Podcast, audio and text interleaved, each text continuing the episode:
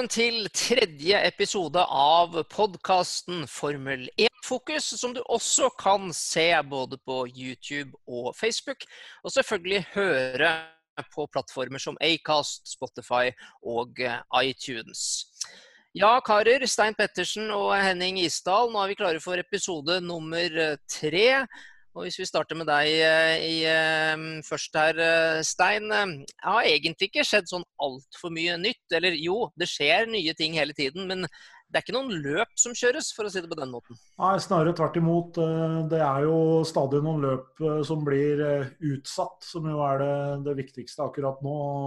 Og det gjør jo selvfølgelig at Eh, det begynner å spre seg en litt sånn usikkerhet, tror jeg, både hos uh, seerne og hos, uh, hos, teamene, hvordan man skal komme i gang. Samtidig så vet vi at både team og, og ikke minst Liberty er veldig kine på å komme i gang nå, så man leter med lys og lykte etter løsninger. Dette her er altså en eh, Formel 1-podkast. Det hender at vi snakker om eh, andre motorsporter også, men eh, først og fremst Formel 1.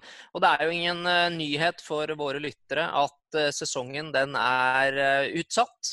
De første løpene er enten utsatt eller avlyst. Canada Grand Prix, Grand Prix ble jo også utsatt, eventuelt avlyst. Det vet vi ikke ennå. Og eh, enn så lenge da, så er det første løpet på kalenderen eh, Frankrikes eh, Grand Prix. Men Henning, det henger vel i en tynn tråd, det også? Ja, det kan man si. Det er jo et spørsmål om noen av disse første løpene kan gå publikumsfritt.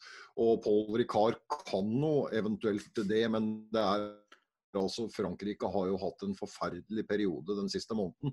Og det ser ikke ut som om det er noe som åpner opp der i uoverskuelig framtid. Så da ryker kanskje Frankrike også. Og så sier de da fra Østerrike at der åpnes jo samfunnet litt nå. Og der er det faktisk mulig å kjøre et publikumsfritt arrangement da den første helgen i juli.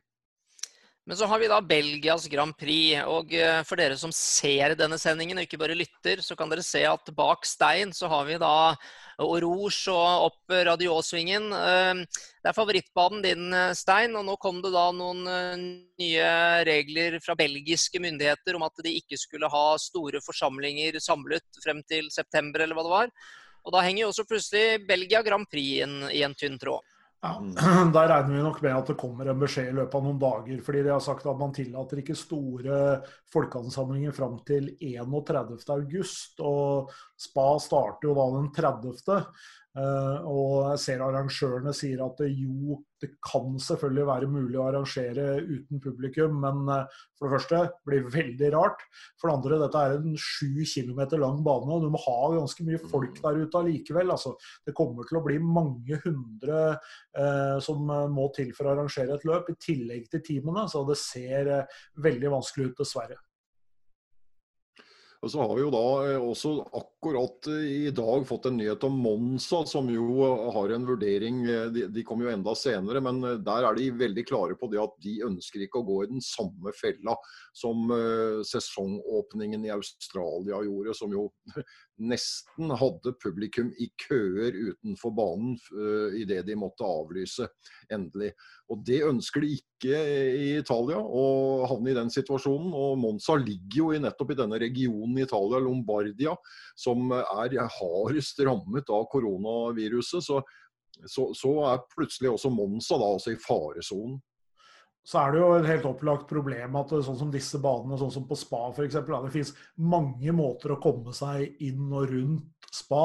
Sånn at uh, hvis man først begynner å kjøre et publikumsfritt løp, så uh, skal du ikke se bort fra at jeg står borti skogbrynene opp nede ved Stavelå der og, og kikker inn gjennom vinduet, bare for å høre lyden og få sprøyta mi, liksom.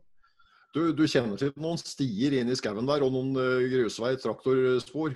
Det er helt riktig. Jeg husker i gamle dager da pleide jeg å kjøre på sånne terrengmotorsykler der for å passe på folk som drev og klatra over gjerdene. Så det er jo mulig at de må ut igjen, da. Men, men, Østerrike sier altså at ok, de kan kjøre uten tilskuere hvis det blir et uh, alternativ. Mens uh, Jan Lammers, tidligere racerfører, nå sjef for Nederland Grand Prix, han sier at det er helt uaktuelt. Og dette dreier jo seg, En ting er jo stemningen, men det dreier seg om mm. inntekter også. Vi kan jo bare begynne å regne selv. Hvis det er et par hundre tusen mennesker i løpet av en helg, og så skal de kjøpe dyre billetter. Det blir mye penger. Kan det være en løsning at Liberty, Fia, noen støtter arrangørene, sånn at det er mulig da å kjøre uten tilskuere? Hva tenker du om det, Henning? Ja, det, det, må de jo gjøre, og det er jo det som Andreas Seidel i McLaren nå eh, har sagt. Altså, det skal jo være et møte i ettermiddag faktisk med de, team, de ti teamsjefene. Eh, Chase Carey fra Liberty og Jean Tott fra Fia. Hvor de skal diskutere eh, hvilke tiltak de skal gjøre videre framover. Og Andreas Seidel sier jo det at eh, Fia og Liberty må jo på banen her med støtteordninger. Både for å holde liv i teamene og kanskje også for å arrangere noen løp. Og noen mener altså fortsatt at det er mulig å arrangere 19 løp i 2020-sesongen. Det høres ekstremt optimistisk ut, men skal de i det hele tatt få en sesong, og en gjeldende sesong den må jo altså ha minst åtte løp for å bli tellende som et verdensmesterskap, så må Liberty Media og Fia på banen med støtteordninger. Men Jan Lammers var jo veldig klar på det, da, at på Sandvort der skal de ikke kjøre publikumsfritt. Men Lammers sa jo samtidig at uh, men det å kjøre på tirsdager, det, det var han positiv til. Ja, og det tror jeg det er flere som kommer til, å, til å, å, se hvis det i det hele tatt er mulig. Men jeg tror at når du ser at et land som Belgia da, eh, stopper all type aktivitet av dette her fram til, til 31. Du ser fotball i Tyskland. De sier at de tror ikke de kommer til å spille med tilskuere i år. Eh, så, så, blir det ganske vrient. Da må man på en bane som Paul Ricard eller, eller kanskje Abu Dhabi eller en eller annen sånn bane hvor man har et veldig sånn kontrollert eh, området rundt. altså på Paul Ricard er jo ikke lagd for at det skal komme tilskuere verken til eller fra i utgangspunktet uansett. Så der er det jo bare en fordel nesten at det ikke er noen. Så uh, Henning har jo prøvd å komme seg ut derfra etter løp, og det er jo ikke så lett. Jeg har prøvd å komme inn, eh, og det var jo helt håpløst. Men det er, det er jo som du sier, Stein, det er in the middle of uh, fucking nowhere. Uh, og, og, litt sånn er det jo også i Østerrike og, og noen av disse andre banene som, som, ligger sånn til at det er mulig å gjøre det på den måten. Uh, ikke i nærheten av de store byene og, og store tettsteder. Men hvor mange løp det kan bli av det, det er jo et stort spørsmålstegn. Jeg vet ikke om dere husker det, men for eh, ja, når kan det være, ti år siden eller noe sånt, så var det jo snakk om at man skulle da få Frankrikes Grand Prix tilbake til Paul Ricard. Og på den tiden så hadde ikke Paul Ricard tribuner. For det var jo da etter at Bernie hadde kjøpt banen og de hadde gjort den så avansert og fått disse malte avkjøringssonene osv. Men uten tribuner. Og da var det snakk om å arrangere et Frankrikes Grand Prix kun for VIP-gjester. Så, så, det er kanskje det det blir eh, likevel, da. Ja, det blir jo interessant å se hvordan de løser det der i det hele tatt. fordi det er jo som vi har snakket om tidligere, altså et, et Formel 1-løp eh, selv uten tilskuere omfatter faktisk eh, kanskje 2000-3000 mennesker. Eh, det er teamene, det er de som administrerer og, og, kjører løpet, og det er selvfølgelig alle funksjonærene og alt det der. der. Så er det jo et spørsmål om hvor langt ned kan vi få det tallet? Eh, med antallet folk som er til stede på banen, selv når det er publikumsfritt. Kan man f.eks. si til teamene at dere kan ikke komme med 80 eller 100 personer i hvert team, som jo er ganske normalt i dag. Dere må ned på 40 personer som skal drifte bilen, og så må dere droppe all hospitality og slike ting. Det er jo et veldig interessant eh, tema, og, denne problematikken blir nok diskutert nå. Ja, altså, Når vi nå snakker om antall mennesker eh, Jeg så jo akkurat en nyhet eh, på VG-nett i Norge som jeg syns var ganske nedslående. og Det var jo da denne helsedirektøren Bjørn Gullvåg som mente at arrangementer Og nå snakker han altså om Norge. Arrangementer med mellom 30 og 100 personer trodde han ble vanskelig i hele 2020. Og det er altså i Norge. Og Hvis det vil gjelde i andre land også, da kan man jo bare gjøre som nå Max Mosley og flere er inne på. Stryke hele Formel 1-sesongen 2020. Jeg vet ikke hva du tenker, Stein? Jo, er nok, eh, vi er nok i en sånn veldig sånn eh, brytningsfase akkurat nå. fordi nå begynner flere land å teste det å slippe opp igjen litt. Og det er jo først da vi egentlig får noe svar på hvordan dette her eh, kommer til å fungere framover, tror jeg. Så jeg tipper at når vi er litt ute i mai, det har vi jo sagt også, da, da vet vi nok ganske mye om hvorvidt det er realistisk å, å, tro på en sesong i år eller ikke. Og så har jeg jo sett noen som foreslår at uh, man kanskje kunne prøve seg ut da, og lage en, hva skal vi si, en litt sånn annen type sesong, hvor man kjørte noen sprintløp, hvor man uh, gjorde noen andre løsninger, om ikke annet bare for å få kjørt grann. Men det forutsetter på alle måter at man får lov å være nok mennesker samla til å kunne arrangere et decent løp. og det er klart Hvis dette bare skal gå på TV, de TV-folka må jo være der også, så det er jo et, et produksjonsapparat her. altså. Du nevnte dette med antall mennesker, Henning. At man kan kanskje kjøre med færre mennesker. Da er vi inne på økonomi også. Og det er jo uh, også et hett tema om dagen. Man har jo nå allerede bestemt at disse nye bilene som skal komme neste år, de blir i hvert fall utsatt til 2022, kanskje 2023 til og med. Vi får, vi får se etter hvert. Og så er det mye snakk om budsjettak taket. Det har gått litt ned, men det er jo flere nå som snakker om at det bør ned til 100 millioner dollar, og noen sier til og med 75 millioner dollar. Og utgangspunktet var vel 175 millioner dollar. Så um, no, jeg hører at noen mener at dette er en slags mulighet som Formel 1 plutselig har fått pga. koronakrisen, til å, til å gjøre noe som vil være bra på lang sikt. Er du enig i det, Henning?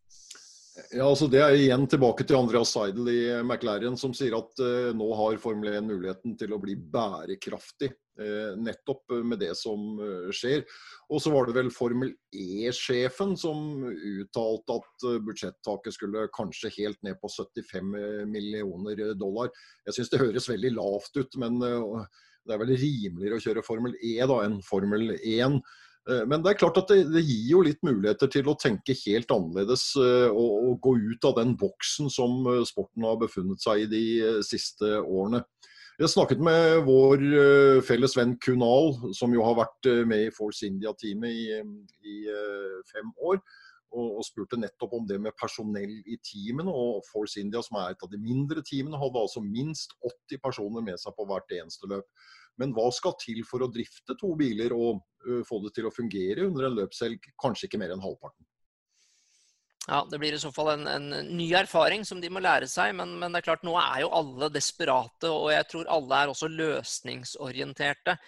Og som vi nevnte da, Max Mosley, tidligere president i Det internasjonale bilsportforbundet, han gikk jo nå ut og sa at han mener at det beste er å bare avlyse årets sesong, for da er det i det minste forutsigbart. For det verste som kan skje det nå, er jo at man begynner å planlegge, bruke masse penger på det, og så blir disse løpene avlyst likevel.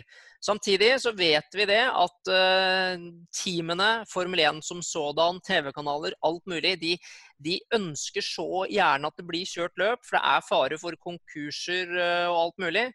Så klarer de på en eller annen måte å arrangere løp, uten tilskuere, med færre folk, kjøre flere løp på den samme banen etter hverandre, hva som helst, så tror jeg man gjør det. Så jeg, jeg tror jo det er ganske eh, for å si det sånn, Det er mange som har rolige dager eh, om dagen. Jeg tror ikke det gjelder i Liberty Media, Stein.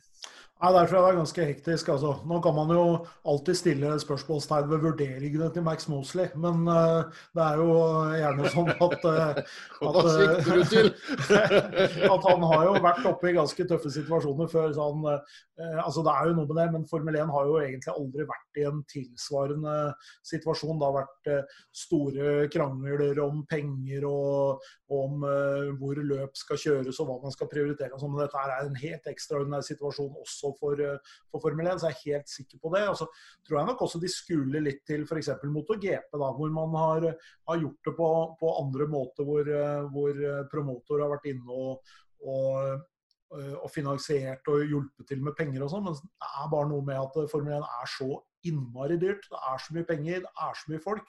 Det er vanskelig å sammenligne med noe særlig andre sport på hjul, i hvert fall. Det er jo veldig interessant å se hva, hva som de, de, kan klare å få til uansett. Og jeg synes det er pussig at akkurat Max Mosley kommer og sier at uh, dropp hele 2020. Han sier jo akkurat det samme som Bernie Ecclestone for øvrig. Det er jo to gamle kompiser, da, så de er vel uh, for så vidt uh, i, på, på, på, linje. Og Det er jo lenge siden vi har hørt noe som helst fra Max Mosley når det gjelder Formel 1. Han har jo vært nesten helt borte uh, fra offentligheten på en måte. Kanskje av de grunner som Stein var inne på her. Men, men uansett, så jeg vet ikke. Det er, det er, flere som har behov for å markere seg med å komme med synspunkter på dette her nå, som vi kanskje ikke ikke skal regne med, er de synspunktene som Liberty Media FIA har. Vi får se etter det møtet i kveld, og, og kanskje allerede i, i, begynnelsen av mai, at vi får en litt bedre oversikt. Ja, jeg tror Liberty Media i det lengste forsøker absolutt alt de kan for at det blir arrangert noen løp eh, i år. Og jeg krysser fingrene for at de, de lykkes med det. Men la oss eh, bytte tema. Det er en eh, stor, stor racerfører som har gått bort nylig. Han ble 90 år gammel. Det er altså sir Stirling Moss, og av mange kalt for den beste racerføreren som aldri ble verdensmester. Er du enig i det, Henning? Absolutt. Her snakker vi om en av de få reelle, riktige legendene i sporten. Det er ikke så veldig mange av dem. Og det å være legende, det handler ikke bare om å ha resultater og seire. Slett ikke. Det er eh, folk som har vunnet langt flere Formel 1-løp enn Stirling Moss, som ikke ville kunne kalles legende. På min liste så står det kanskje bare fire navn, og det er jo Juan Manuel Fangio, det er Stirling Moss, det er Ayrton Senna og kanskje også Gilles Villeneuve. Og Det er helt andre ting som kommer inn når det gjelder det. Sir Stirling Moss han ble altså aldri verdensmester. Han ble nummer to eh, fire ganger etter hverandre. Og så mistet han litt interessen for Formel 1, men så vant han jo så enormt mye annet i sin karriere, ikke minst i sportsvogn. Han vant vel hos også 40% av alle løpene han kjørte, så han var jo en relativt imponerende fører. Og så hører jeg at det som, som mange da, type Jackie Stewart og en del av disse her som, som, som har vært nært på ham, de, du hører måten de snakker om ham på. Han var et, virkelig et forbilde. Eh, så hørte Jackie Stewart sa det at han hadde sett eh, hvordan Stirling Moss skrev autografen sin. Og han hadde lært å skrive autografen på samme måte, nemlig sånn at det var mulig å lese autografen når du kom tilbake. sånn at når du hadde fått en autograf på noe og du kom hjem, så skulle du se tydelig at der sto det Stirling Moss eller Jackie Stewart. Og det er litt sånn, Han så ut som en racerfører, han oppførte seg som en gentleman, så han var, nok, eh, han var nok et veldig stort forbilde for mange av de andre. Og så ble han altså da adlet, selvfølgelig. Det er jo flere andre racerførere som er blitt det. altså Order of the British Empire, altså sir Stirling Moss og kona hans, hun ble lady. Eh, og det er ikke så mange som blir gitt den eh, æren eh, til del. Men det var jo også sånn, da, kan du si at hvis vi skal sammenligne Stirling Moss med noen her i Norge som har hatt en tilsvarende status, Sir Stirling Moss han levde av å være Stirling Moss etter at han sluttet å kjøre billøp. Og Det er akkurat det samme som Hjalmar Johannessen, eller Hjallis, har gjort uh, her i Norge. Så vi har en parallell altså i skøyteløperen uh, Hjallis. Apropos nordmenn, eh, vi får jo alle sammen noen mailer innimellom av en, en norsk bilsportlegende, John Haugland, som riktignok kjørte rally, men som også følger veldig godt med på, på Formel 1. Og han sendte jo også mail da, etter at uh, Stirling Moss uh, døde. og John Haugland forteller jo også om at han, han har jo kjørt mot Stirling Moss uh, på Goodwood. Det er, ikke, det er jo ikke alle som kan skryte av det. Stirling Moss kjørte jo faktisk løp helt fram til 2011. Selv om han på en måte ga seg som, som eliteutøver, kan man kalle det og han startet karrieren sin i 1947, eh, så det var altså en karriere som varte i 64 år. Og eh, han var fast gjest på Goodwood, så jeg skjønner at Jon Haugland har kjørt mot han flere ganger. Ja, Han uh, har flere, flere historier, og, og, det er jo uh, kremhistorien til, til, til, John da, om, om Stirling Moss. Det er jo liksom det at når Stirling Moss ble, ble stoppa for å kjøre for fort i England, og det ble han ganske ofte, uh, så, så, spurte politimannen hvem tror du du er, Stirling Moss? Og da altså, måtte han bare svare ja.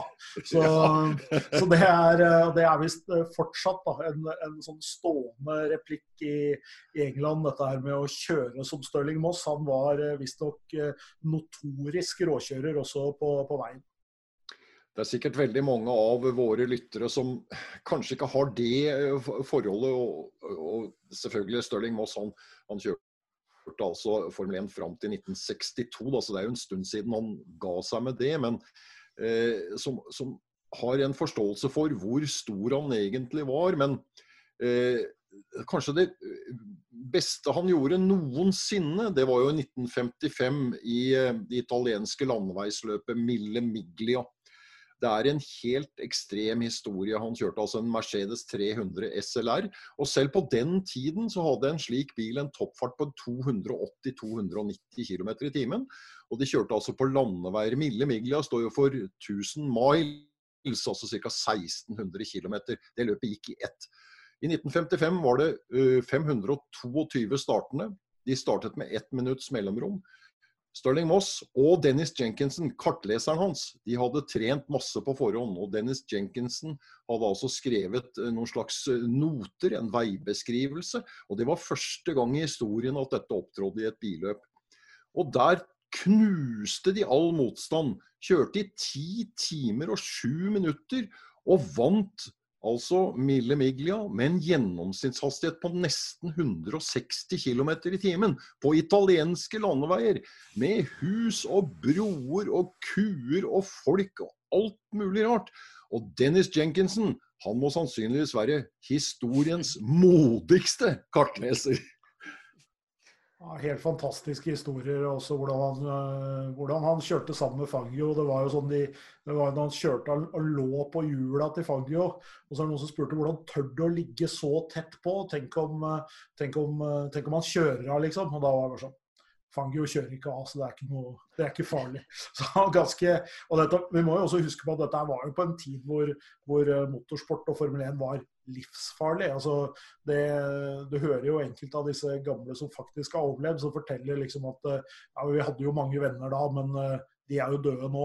Og mange av de døde jo hver eneste helg liksom, når de var av gårde og kjøre. Det er antageligvis ikke alle de 500 og noen som kom hele til mål i Millimiglia det året heller. Helt sikkert ikke, men uh, Stirling Moss var jo også veldig nær å dø, da. Uh, denne ulykken han hadde på Goodwood i 1962. Nå er jo de som på en måte litt ironisk sier at nettopp den ulykken, der han ble liggende én måned i koma etterpå Han var eh, fem måneder eller noe sånt på sykehuset.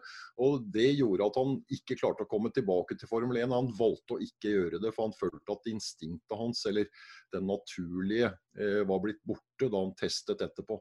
Men så er det de som sier at det var jo nettopp det som gjorde at Stirling Moss faktisk overlevde. Så eh, fordi han da eh, ga seg på det nivået han hadde vært før ulykken. Eh, men han hadde altså enorme skader, og det var jo bare flaks at han kom til liv igjen. Han var jo en tøffing. Han ramla jo ned fra han, hadde, han, fikk jo installert en heis hjemme i huset sitt. Var, da var han altså 80 år gammel. da. Det var faktisk var McLaren som, som bygde en, en, heis i, i Kevlar som, som, gikk fra han bodde i et sånn treetasjes hus. Og en dag, dette er også en historie fra John, da, så, så, så, gikk han inn i den heisen. Eneste problemet var at den heisen var ikke der. Så han ramlet helt ned til etasjen under og knakk begge anklene og, og, flere bein og masse greier. Uh, og Dette var i mars, og i juli da satt han i bilen og kjørte igjen. Så relativt uh, tøff type òg, da. Sprek fyr. Uh, Henning nevnte jo noen av sine store helter med, med bl.a. Stirling Moss. Hvem er dine store helter, Stein, altså med unntak av Guri Suzuki? Nei, det er klart det er vanskelig å toppe det. Men ja. Nei, altså jeg, min, min, favorittfører all time er jo Jean Alesi. Fordi at han eh, han hadde en, eh, sånn, en kjørestil og en, eh, en litt sånn framtoning som bare appellerte ekstremt til meg på den tiden hvor jeg virkelig liksom ble sånn fullhekta på Formel 1. Hadde jo fulgt det lenge. Uh, og selvfølgelig så lekte jeg Ronny Petterson liksom da jeg var liten, men, men, men Jean Alesi, helt fantastisk. Se de bildene. Han har en sånn spesiell måte å legge hodet på. Dette var jo før hans, liksom. Så du ser når han kommer gjennom svingene, så er det liksom det er over med hodet sånn. og og, og denne favorittepisoden min hvor han, eh, hvor han, kommer, kjører forbi en bil da, som, som, bremser ham opp, antakeligvis en backmarker, får kjempesleng på bilen, retter opp med én hånd med en sånn hytte med neven eh, med den andre. Eh, det er Sånne helter må man liksom ha når man, når man følger med på Formel 1. Så, så jeg, er nok, jeg, er nok, bak i, i den tiden der sånn. Men det er jo helt uh, riktig, Stein. Altså, når vi snakker om det som blir legender for oss, så er det jo ikke alltid resultatene som teller. For Jean Alesi han vant vel ikke mer enn ett løp. og det, altså, Karrieren hans sånn sett og CV-en hans sånn sett er, holder ikke veldig mål mot de aller, de aller mest seierrike. Men det er ikke det som skaper legendene. Så jeg er helt enig med deg. Han, han er en bra kandidat til å bli legende, han også. Jeg, jeg heier også på Sean Alesi Stein, og en morsom historie der er at da han vant dette ene løpet, var det Canada 95, Canada. Mm. hvis jeg ikke husker helt feil, så, um, så, var det en nabo av oss, da vokste, bodde jeg på Hamar, så det var en nabo som ringte min far, tror jeg, og så lurte han på om hun hadde glemt flagg, at det var flaggdag. For han hadde jo kjørt forbi huset vårt, og der var det jo norsk flagg. Men det var jo ikke norsk flagg, det var jo Ferrari-flagget som jeg hadde hengt ut. Det er det for journalist da. Ja, deilig. Men jeg er enig. Det er noen uh, førere som stikker seg ut, uh, og som kanskje ikke har de aller beste resultatene. Jeg fikk en sånn veldig hyggelig uh, gjenhør med Juan Pablo Montoya her om dagen for øvrig, etter et tips på det norske Formel 1-forumet på, på, Facebook. Formel 1-gruppa der. Og det var en som tipset om et gammelt podkastintervju med Montoya fra denne Beyond the Grid offisielle Formel 1-podkasten. Og da kom jeg også på at jeg var jo en fan av Montoya i sin tid, for han også var en som eh, gikk litt sine egne veier. Og det sa han vel også i den podkasten at kanskje var en av årsakene til at han ikke var så lenge i Formel 1 som, som mange hadde trodd. Så man trenger absolutt eh, karakterer. Ja, apropos det, eh, hvis vi kan ta begge dere to, og starte med Henning. Hvem er de største karakterene i Formel 1 i dag?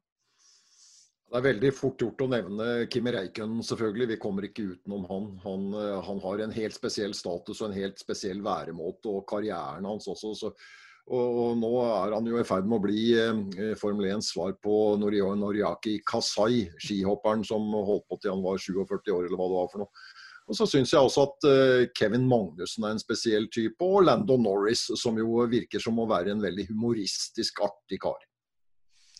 Ja, jeg holder, jo, jeg holder jo absolutt en knapp. Jeg håper Lando Norris klarer å utvikle seg som fører framover. For det er klart å ha en sånn fyr som han, som har den eh, for det første appellen til yngre seere, eh, som skjønner hvordan sosiale medier og, og, og simracing og alle sånne ting fungerer, er jo fantastisk. Og så det selvfølgelig det er vanskelig å ikke nevne Max Verstappen. Så kan man like eller ikke like hvordan han oppfører seg, men han er jo definitivt en som har, uh, som har skapt uh, enormt uh, trøkk rundt. Og så har jeg alltid hatt sans for Ricciardo, som jeg jo syns er en utrolig blid og, og, trivelig fyr, selv om han har vært litt muttere de siste, siste par sesongene hvor det ikke har gått så bra. Så så, det der, den derre bare å se Ricardo komme ut på USA Grand Prix, liksom, når de hadde den der show-entringen der sånn dansende ut, og, og sånn, så ser du Kimmy komme bak, liksom, så,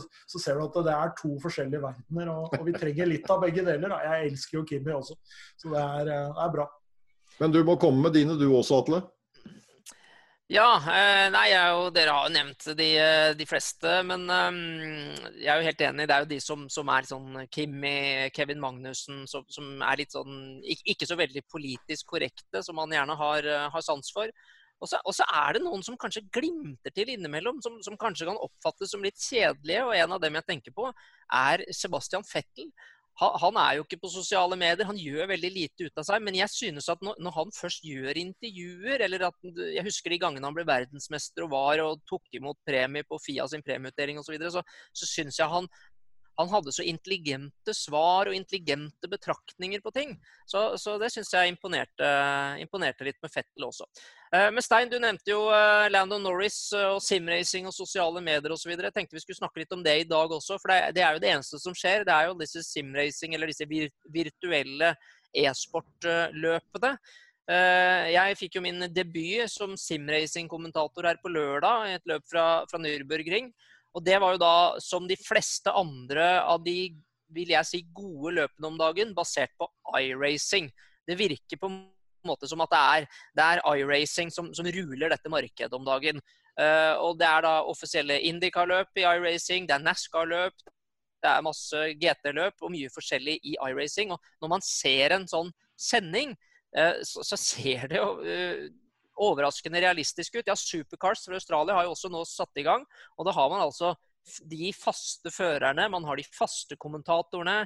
Eh, det er gode TV-produksjoner. Du hører at lyden på bilene er helt lik som i virkeligheten. Det er god racing. Det, ser nesten ekte ut. Og så kommer vi tilbake til dette Formel 1-spillet som, som, som, vi har snakket om før, som blir veldig spill.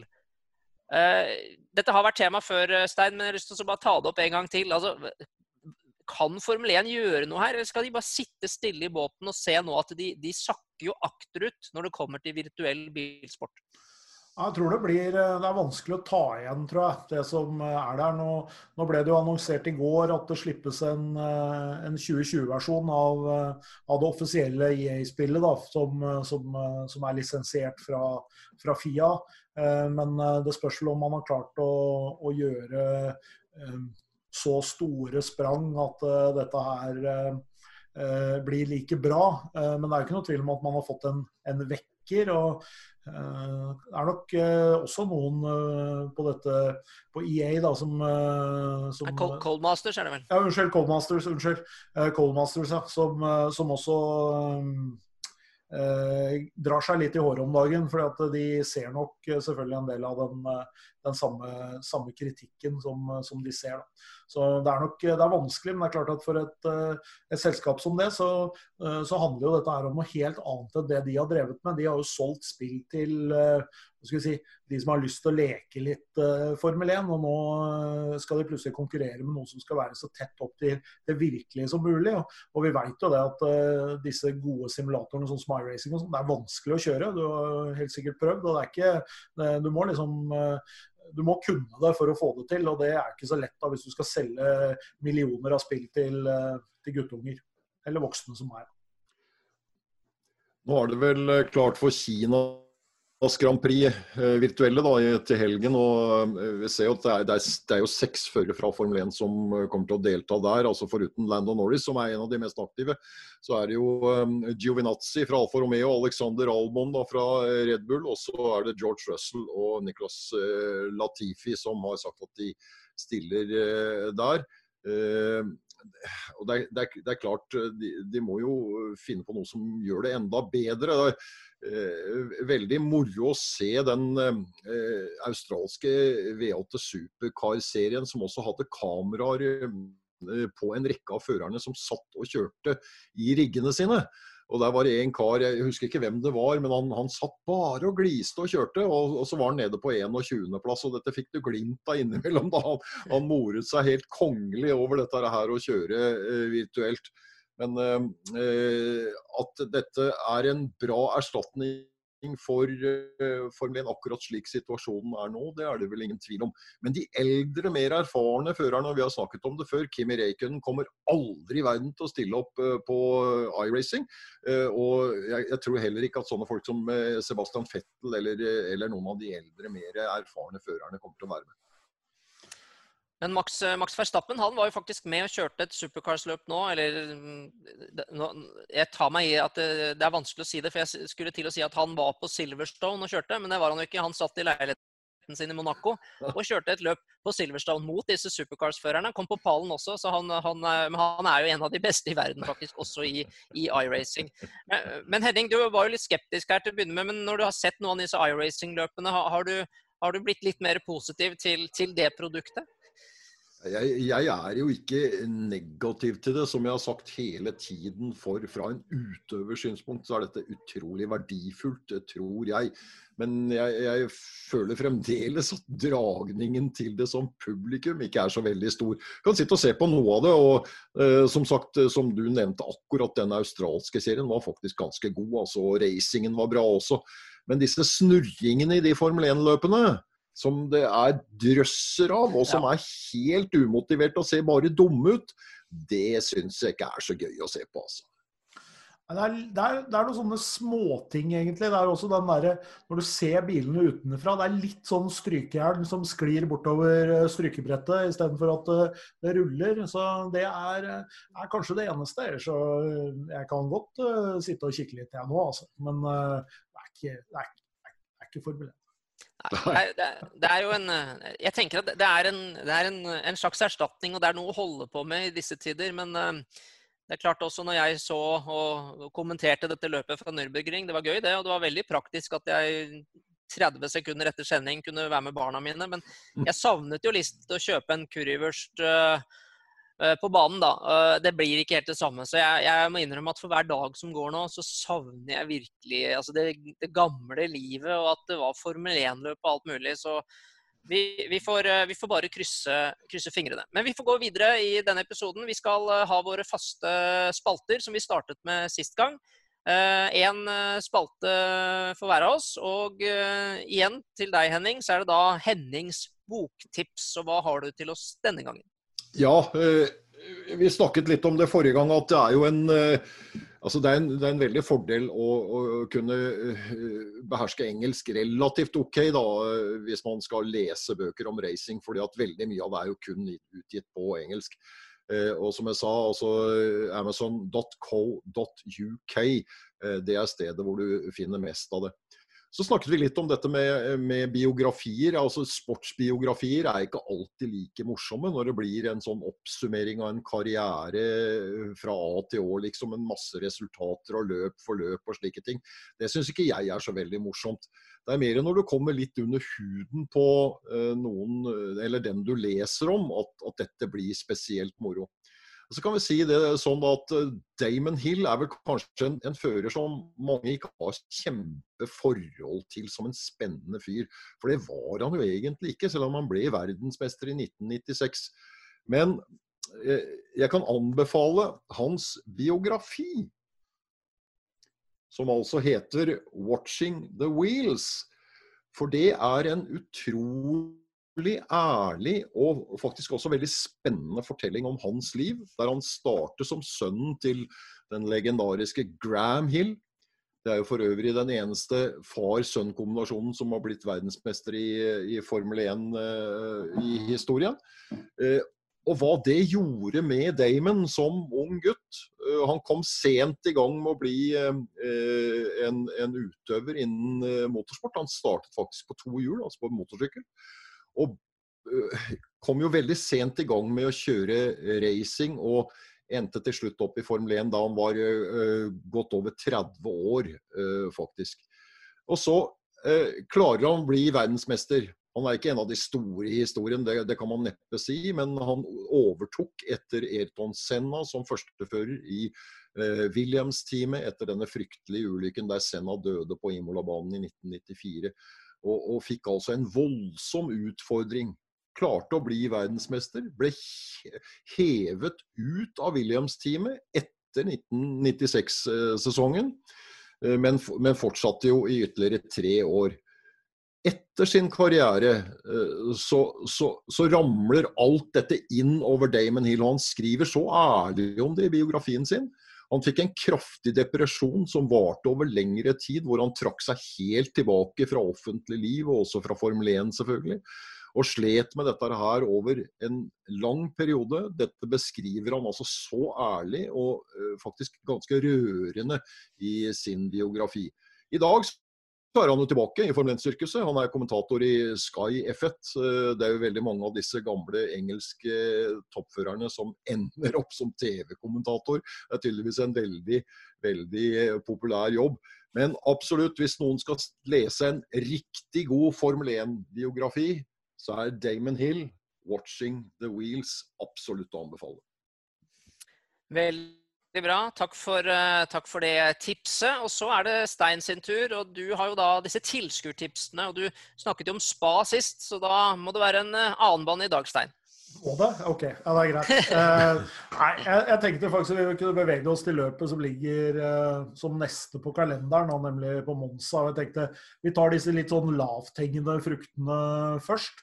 Eh, det er jo også en bane som er eh, veldig fin å reise til. og Milano er jo en strålende by, sånn at eh, det er jo et sted man kan reise og ta med seg også folk som ikke er så interessert i, i Formel 1, som kanskje bare har lyst til å være med på løpsdagen og som har lyst til å, å henge rundt i, i, byen de andre dagene. Og så er det jo fantastisk god mat. Og, og, og, det å være på Monza er noe helt spesielt også, med de italienske tilskuerne, disse tifosiene, som bare virkelig lager en helt fantastisk stemning. Og det er veldig, det er veldig hyggelig. Eh, og det er også en veldig sånn historisk atmosfære. Eh, og det er forholdsvis enkelt å komme seg til og fra. Du kan bo i Milano, der er det veldig god plass til å bo. Eller så kan du, hvis du ikke er så interessert i Milano, mer interessert i racingen, så er det også veldig fint å bo på, på, på nordsiden av banen. Altså oppover mot Alpene, Como, Lech og disse småbyene som ligger der, er det, er det, mulig å finne. Der kan man eh, enten ta toget inn, eller så kan man eh, kjøre bil og parkere på, på den siden av banen. Så det er et veldig ålreit uh, sted å være. Så jeg har hatt gleden av å være i paddock-klubb en gang på Monsa. Det kan anbefales. Der serverte de hummer, og, og førerne kom og fortalte litt før og, før og etter, etter, løpene. Men jeg tror det er en relativt kostbar måte å se Formel 1 på. så Det er kanskje ikke for, kanskje ikke for alle. Men eh, det er en, en, bane som man eh, absolutt bør oppleve. Og, og ikke minst liksom folkelivet rundt. Da. Bare Hvis man bor i Monza, ta toget ut til banen eh, og gå av og gå inn på banen sammen med alle de mange mange tusen tilskuerne. Da kjenner du hvorfor Formel 1 er akkurat Formel 1, og du deler det med så utrolig mange. Så Milano står, og Monza står høyt på listen. Jeg lover å, å, å fylle på med litt mer facts på, på begge disse banene og publisere på formel1.no, og så skal vi dele det på Facebook-sida vår også. Du verden, Stein. Paddock Club, nå ble jeg litt imponert. Det, med hummer. Det, det er nivå. Jeg, jeg stjal med meg servietten, så jeg har en sånn hvit serviett som det står Paddock-klubb på, som brukes ved helt spesielle anledninger.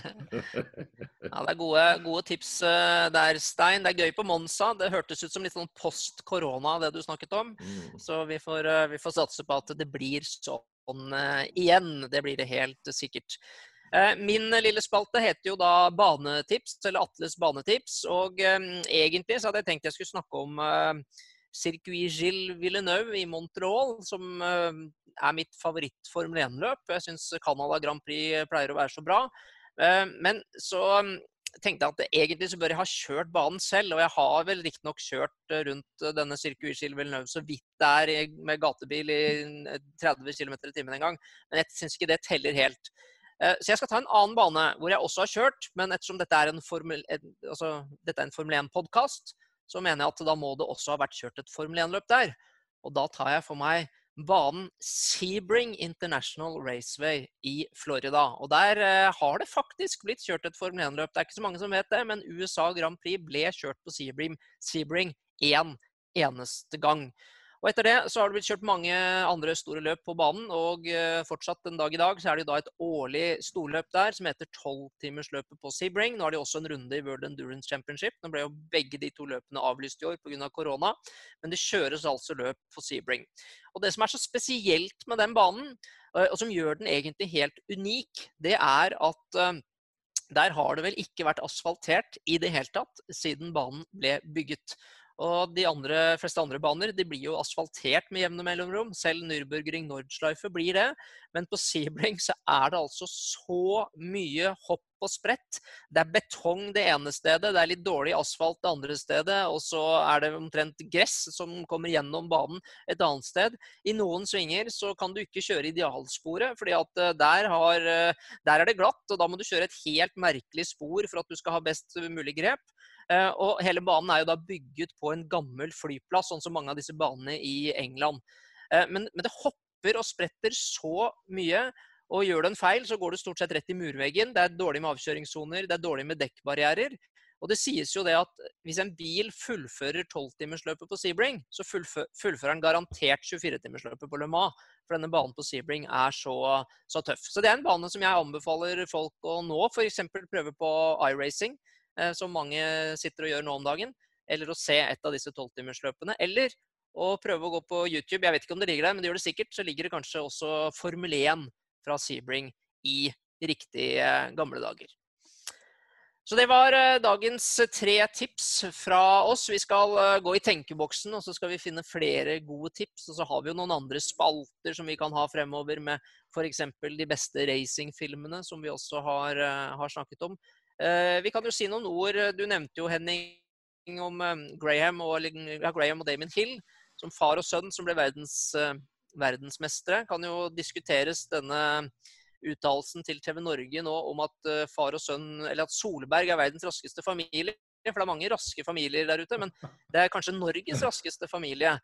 Og nå har de startet den Team Solberg-serien på TV Norge. Eh, morsomt å se på, syns jeg. Det er jo er det en familie som byr på seg selv, så er det jo Solberg. Og Petter Solberg har jo absolutt alltid gjort det. Og Oliver er ikke så mye, mye dårligere, han, han heller. Så det, selv om det er en konkurrerende kanal, så kan vi vel kanskje reklamere litt for at det er mulig å se på på Team Solberg. Så du, så du episoden, første episoden, Stein? Ja, jeg gjorde det. Jeg syns det, det, var bra. Jeg. jeg liker også å se det utrolig tette forholdet da, som er i familien. Det er ganske, ganske morsomt å se, se det. Og så se at uh, Oliver er jo en tenåring, han også. Så han, uh, sjøl om faren hans er verdensmester, så skal han ikke komme og fortelle om hvordan han skal ta en, en sving i, i gymkana, liksom. Det, det, skal han ikke ha nå, for det, det, vet han meget godt hvordan han skal gjøre. Så det er, det er morsomt. Jeg syns det var underholdende. Ja, det er gøy å se på. Eh, men det er én ting som jeg syns er eh, litt kjipt, for å være helt ærlig. Og eh, jeg bor jo sammen med, med, tre jenter, og de så jo på litt, de også. Så når da disse monsterdamene dukker opp, så, så, mm. så ødelegger altså det så mye. Det er altså så, unnskyld uttrykket, jævlig harry. Og tar altså denne sporten som vi er så glad i, tilbake til 80-tallet. Og det synes jeg er så trist. at rallycross fortsatt henger igjen med de greiene der. Eh, når Formel 1 og alle andre har gått bort fra det og skjønner at vi lever faktisk i 2020. Så akkurat det skulle jeg ønske at det ikke var en eh, del av det. Men, men det er jo ikke Solberg sin feil. Det er jo bare sånn det er med, med, med rallycross og med det som er hovedsponsor der. Men uh, utover det så syns jeg det var en bra serie som jeg tipper at det kommer til å bli flere morsomme episoder å, å følge med på. Men altså, eh, så, så blir det vel ikke så veldig mye Grimgirls i rally heller, da, som Oliver nå har liksom uh, switchet over til. Så, så, så, da er ikke det en problemstilling. Og jeg er jo helt sikker på at uh, vi innen tre-fire år så er det to førere som kommer til å kjempe om VM-tittelen i rally. Det er Kalle Rovanpere fra Finland, og så er det Oliver Solberg, som jo er halvt norsk, da. Det kan vi vel si. Selv om det er svensk flagg på bilen hans. Snakker ja. godt norsk, i hvert fall. Det må vi kunne si. Absolutt. Og han får mye oppmerksomhet i Norge. Og jeg tror jo også at det er, det er jo sånn som det ser ut nå, så er det jo to utøvere eh, som kommer til å få mye oppmerksomhet i norsk eh, media. Eh, to bilsportutøvere. Og ja, det er eh, formelt sett svenske Oliver Solberg, og så er det jo da helnorske Dennis Hauger. Eh, så jeg tror at det er de to som eh, kommer til å dominere nyhetsbildet bildet. I hvert fall ser det sånn ut nå, men så vet man jo aldri. da. Plutselig så, plutselig så dukker det opp, uh, opp, noen andre. Vi skal, uh, vi skal, runde av eh, denne tredje episoden her av Formel 1-fokus. Uh, dere som lytter eller ser på, bare send inn spørsmål til, til, oss også, så skal vi se om vi kan ta noen spørsmål i senere episoder. Og lik gjerne og del og, og fortell andre Formel 1-interesserte om at uh, vi nå har en, en Formel 1-podkast. Og så er det jo et uh, lite tema som vi tok opp sist, som vi skal ta opp igjen nå også. Det er jo det at uh, selv om det ikke er oss tre det er mest synd på i samfunnet akkurat nå, det er mange som har det veldig mye verre enn oss, så er det jo et faktum at vi har mistet store deler av inntekten vår. Vi vi har ingen Formel 1-løp å kommentere, som vi etter planen skulle ha kommentert og tjent uh, penger på. Så vi har bl.a. startet denne podkasten her, som vi gjør gratis. Men vi har altså en vips konto med nummer 601692 som det er mulig å, å vippse noen uh, kroner hvis, hvis, du har lyst til det. Det er helt uh, frivillig, og det var en del som gjorde det også etter den andre episoden. Så tusen, tusen takk til dere. Da har vi fått dekket litt av de Eh, Eh, faste utgiftene som vi har hatt med å, med å få denne podkasten her oppe og gå. Så hvis noen ønsker å bidra, så er dere altså velkommen til å vippse et beløp til 601 692, men det er altså helt eh, frivillig. Nå takker vi eh, for oss, og så høres vi igjen om ikke så altfor lenge.